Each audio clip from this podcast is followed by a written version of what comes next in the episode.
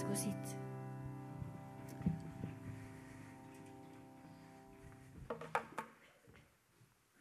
Godt nyttår. Går det fint? Ja. Jeg er friske og raske. Ikke alle er like friske, har jeg hørt, men eh, i hvert fall raske. Er det det? Ja. Jeg, så, jeg så på, Du skal jo ikke se på hopprenn når du forbereder deg til gudstjeneste. Det, det, det sømmer seg ikke. Men, eh, men jeg så de siste syv. Og syv er jo et hellig tall, så da går det fint. Eh, når han Marius vant Jeg har jo aldri hørt om fyren før, egentlig, før han vant, så det var gøy. Var det noen som så det? Hæ? Det var noen som hadde hørt om det før, ja. ja ikke sant? Det er bra. Så godt nytt år. Det er jo som Gunnar sa, det er, det er helt Hva heter det? Blankt lerret. Det er jo ikke det, men eh, det er det litt. Jeg tenkte at eh, jeg skulle åpne liksom dette semesteret og denne, dette nye året, nye tiåret, med, med noen ord som man vanligvis, eller som vi vanligvis hører helt på slutten av gudstjenesten. Um, jeg tenker at disse ordene som skal gå igjennom, da, det jeg skal si, uh, handler mye om hva Guds vilje er for eller hva han vil med mitt liv og med ditt liv, med oss som menighet og familier og nabolag. Og, og det er disse ordene her. Herren velsigne deg og bevare deg. Herren la sitt ansikt lyse over deg og være deg nådig. Og Herren løfte sitt ansikt mot deg og gi deg fred. Hva er det Gud vil? Jo, han vil velsigne deg, og så vil han bevare deg. Det er to ting, hører du det? Velsigne og bevare. Det er hans hjerte. Og Det er litt sånn at det er, det er hans hjerte for oss. Og det er det vi kan leve i. Det er det som gir oss glede, som gir oss fred, som gir oss tilhørighet. Det at han vil velsigne oss fra himmelen og bevare oss. Er ikke det fint? Ja. Når Jesus ber for disiplene, og, som, og egentlig for oss, i Johannes 17, så ber han også om at de skal bevares. Han sier, 'Hellige Far, bevar dem', altså deg og meg, i ditt navn, i Guds navn, så de kan være ett, slik som vi er ett. Og så ber han videre, 'Da jeg var hos dem', så bevarte jeg dem i ditt navn, det navnet du har gitt meg. Jeg passet på dem. Et annet ord for bevare. Og så til slutt så ber han jeg ber ikke om at du skal ta dem ut av verden, men at du skal bevare dem fra det onde. Velsigne og bevare. Jeg, Martin, er eh, det ser jo ikke sånn ut, selvfølgelig, men jeg er utrolig svak i meg selv. Det, det er jeg, og det kjenner jeg på. Um, og det kan hende at jeg taler mer til meg selv enn jeg taler til dere. Det kan godt hende. Det får dere bære over med, da, så finner dere ut hvordan det er. Men Gud, han er sterk. Han er stor. Han er trofast. Han velsigner og han bevarer. Og Det er jo hans trofasthet i denne velsignelsen og bevarelsen som jeg tenker at jeg i mitt liv kan ha med meg inn i 2020. At han er en Gud som velsigner og bevarer. Og så sier eh, så står det også 'Herren la sitt ansikt lyse over deg og være deg nådig'. Når Jesus ber videre, så ber han om at den herligheten, den herligheten du har gitt meg, har jeg gitt dem, for at de skal være ett, slik vi er ett, jeg i dem og du i meg, så de helt og fullt kan være ett. Da skal verden skjønne at du har sendt meg, og at du elsker dem slik du har elsket meg. Velsignelsen er Herren la sitt ansikt lyse over deg. Og så sier Jesus, den herligheten som du har gitt meg, vil jeg gi til dem, altså til deg. Og så avslutter velsignelsen med å si Herren løfte sitt ansikt mot deg og gi deg fred. Han vil gi deg fred i livet ditt, i hjertet ditt, sånn på dypet en fred. En dyp sånn bevissthet om at du er høyt elsket av Gud. Han har velsignet deg, han har bevart deg, og han gir deg sin fred. Israelsfolket som fikk denne velsignelsen, de skulle jo også bringe denne velsignelsen videre. Gi det videre. Fordi Gud vil at det som vi har fått, det skal vi gi videre. At vi kan velsigne hverandre, bevare hverandre. Og så lurer jeg på om vi kan la vårt ansikt lyse over hverandre og være nådig og gi hverandre fred. Det er et brev som heter Filipperbrevet, hvor Paulus skriver til en menighet i Filippi. og Da gir han et bilde av hvordan han tenker at vi som Jesu etterfølgere skal være mot hverandre. Han sitter i fengselet i Roma Paulus, når han skriver dette brevet, og han hadde plantet denne menigheten i Filippi, og det var en romersk koloni med eget sånt selvstyre og sånt. Eh, og når han var der, så, så måtte han utafor bymuren, og, og, så var det en som heter Lydia, som ble frelst der. og Det kan du lese i Apostelgjerningene 16. Også der som Paulus og Silas satt i fengsel, og de sang lovsanger, og så gikk fengselsmuren og, og ja, hva heter dette? håndjernet av. og Fengselsforsakten trua med å ta livet sitt, men endte opp med å bli frelst, han og hele sin familie. Og Nå er ikke Paulus i fengsel der, men han er i fengsel i Roma. Eh, og så blir det da sendt fra denne Filipper-menigheten en mann som heter Epafroditus, med gaver og, og penger fra, fra, menigheten i Filippi til Paulus. Og så sender Paulus da med dem dette takkebrevet tilbake, som er veldig personlig, men som er skrevet til mange. Et av Paulus da sine fengselsbrev. Eh, fordi Paulus visste det, at pga. forholdene i Filippi så var det ikke lett å være Jesus-troende der.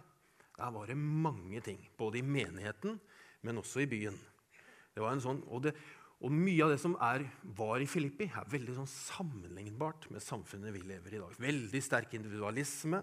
Eh, mye uenigheter i forhold til teologi, mye diskusjoner om, om gudstjenesteform og, og, innad i menigheten der. og Det var mange sterke personligheter, det var ulikt syn på det å være leder og lederskap. og De hadde jo eh, dette Roma over seg.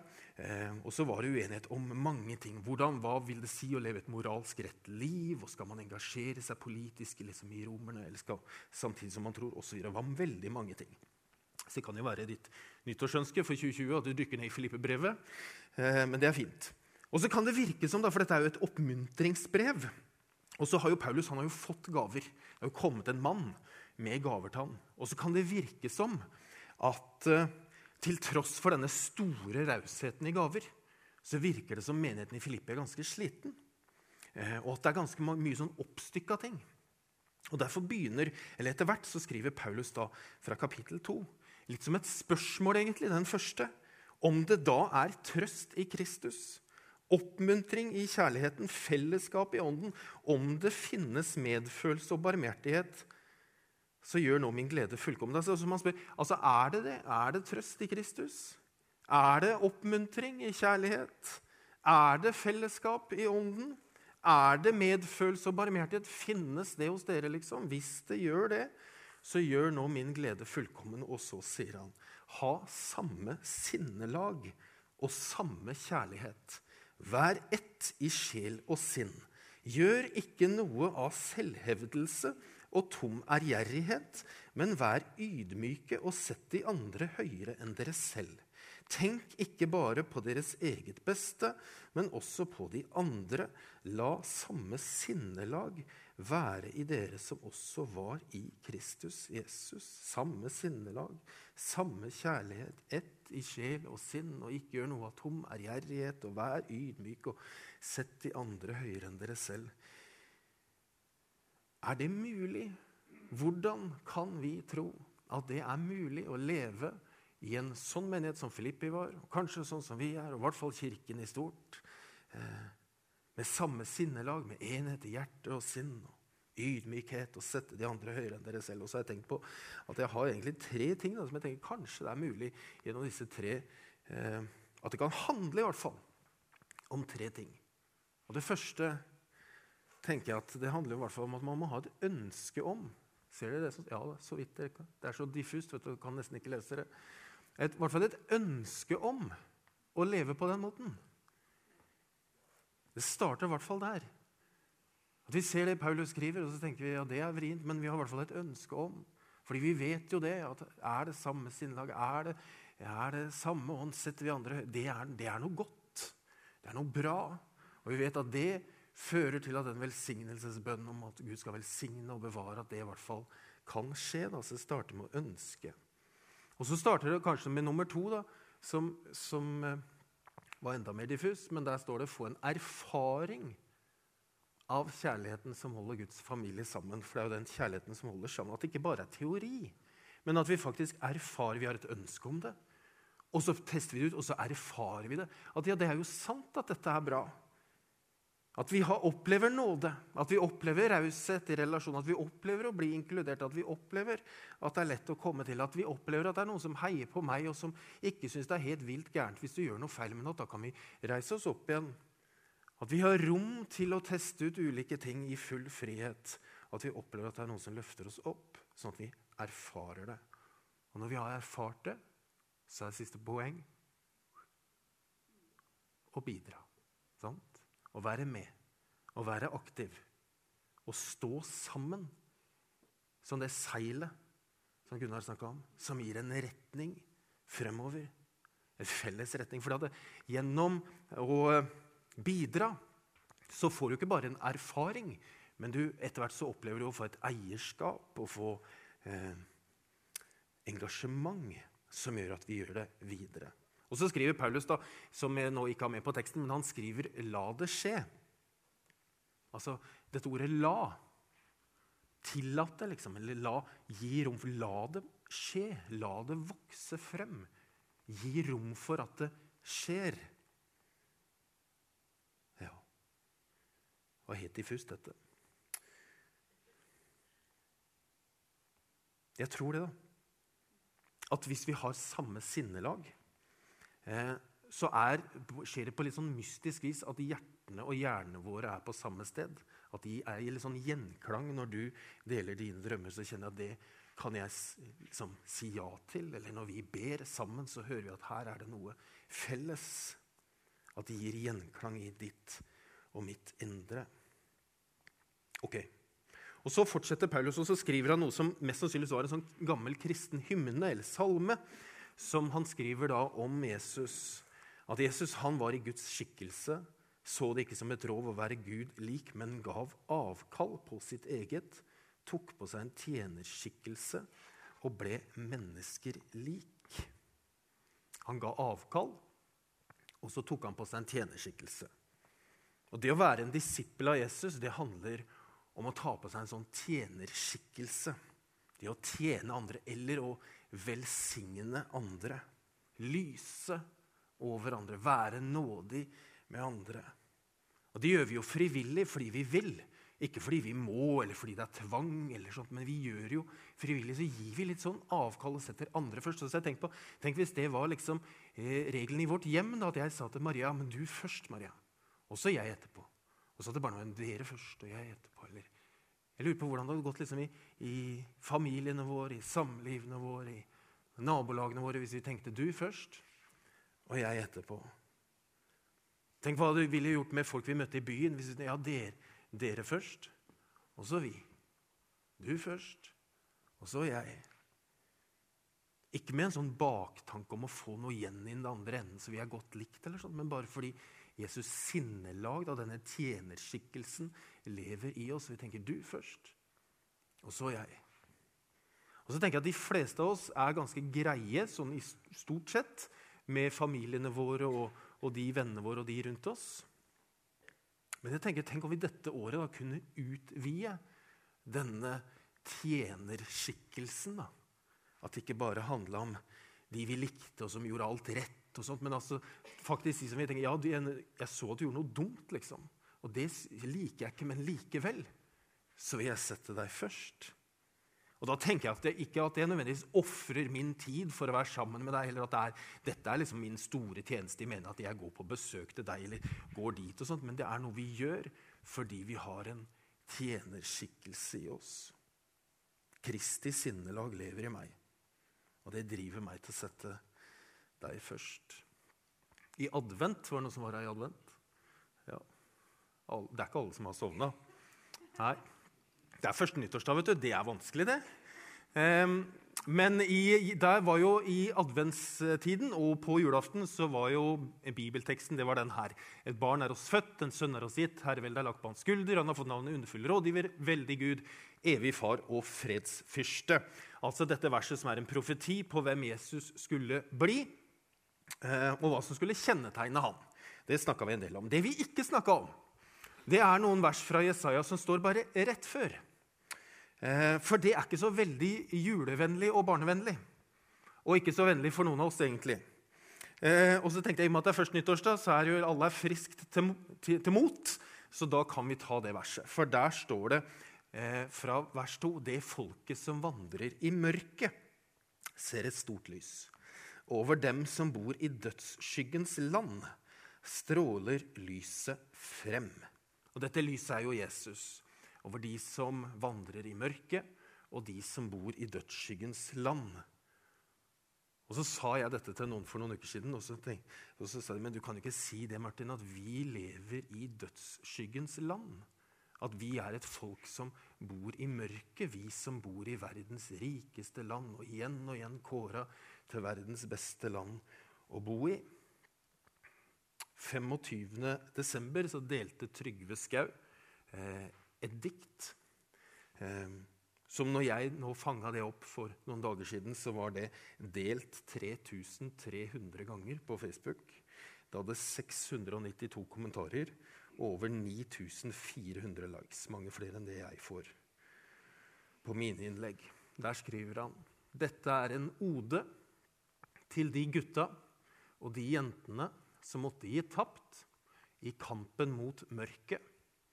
For de var fine folk, de der helt fremst i frontlinjen. Så ble det for mørkt der, og det er for dem vi skal slåss. Med lysbrytere festet på knoklene. For vi kan ikke ha det sånn at svarte natta bare skal valse rundt og ta for seg. Mange av oss kjenner mennesker som er blitt tatt av denne svarte natta. Den som bare har valsa rundt og tatt for seg fordi det var så mørkt, og det er så forferdelig vondt.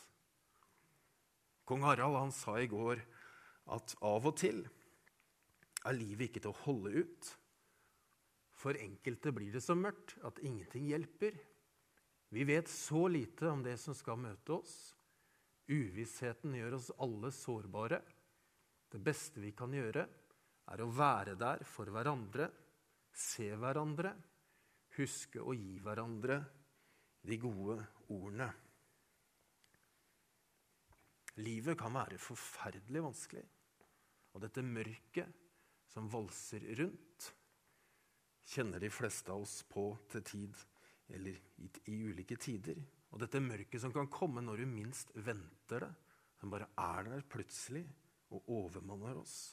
Og så sier kong Harald at det beste vi kan gjøre, er å være der for hverandre, se hverandre, huske å gi hverandre de gode ordene. Hva er det Jesaja sier?